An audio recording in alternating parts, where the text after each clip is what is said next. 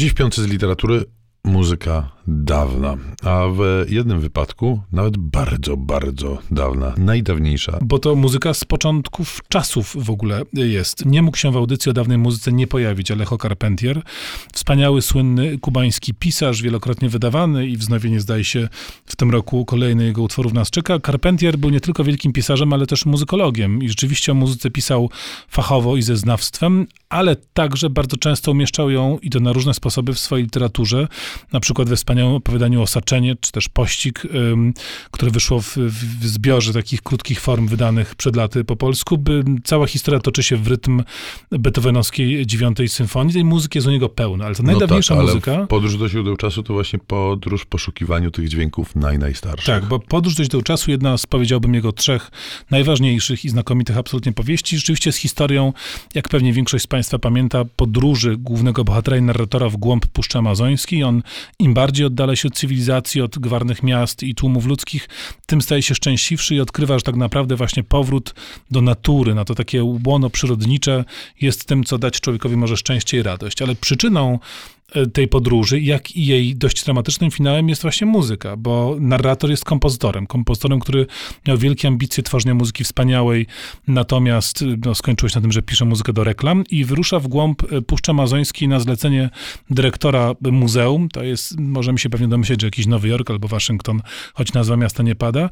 Wyrusza e, po to, żeby przywieźć z głębi Puszczy Amazońskiej pierwotne instrumenty indiańskie, czy taką właśnie sięgnąć do tego momentu, gdzie muzyka była naj, najpierwotniejsza i najwspanialsza tak naprawdę, tak jak wszystko według, tej, według tego narratora najwspanialsze było u źródeł czasu, ale zarazem paradoksalnie muzyka staje się przyczyną zguby tego bohatera, który odnajduje szczęście w głębi puszczy, ale kończy mu się papier nutowy, na którym komponuje swoje, swoje wielkie dzieło, bo w puszczy wraca do sił twórczych, wychodzi e, dżungli i powrotu do niego nie będzie, ta pierwotna muzyka pozostanie gdzieś tam głęboko, głęboko e, w Amazonii zamknięta. Do zguby też prowadzić mogą instrumenty muzyczne i przykładów takich sytuacji w następnej książce cała masa. To książka, której jeszcze nie ma. E, lada tydzień ona się e, ukaże. Podobno w skromnym mm, nakładzie. Czy taki biały kruczek muzyczny? Biały kruczek. Mm, książka Jacka Denela pod tytułem Dysharmonia. To są teksty, które on publikował na łamach e, prasy, a które są zebrane w, w trzech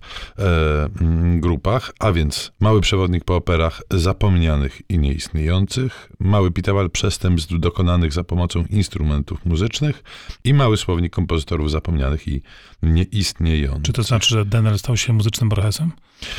E, tak, dokładnie, dokładnie tak. To są e, wspaniałe różne mm, apokryfy. Muzyki dawnej, bo o tym mówimy przede wszystkim, jest tutaj sporo. Pojawia się chociażby wrocławski, tudzież braslauerski Mateusz, tudzież Matias.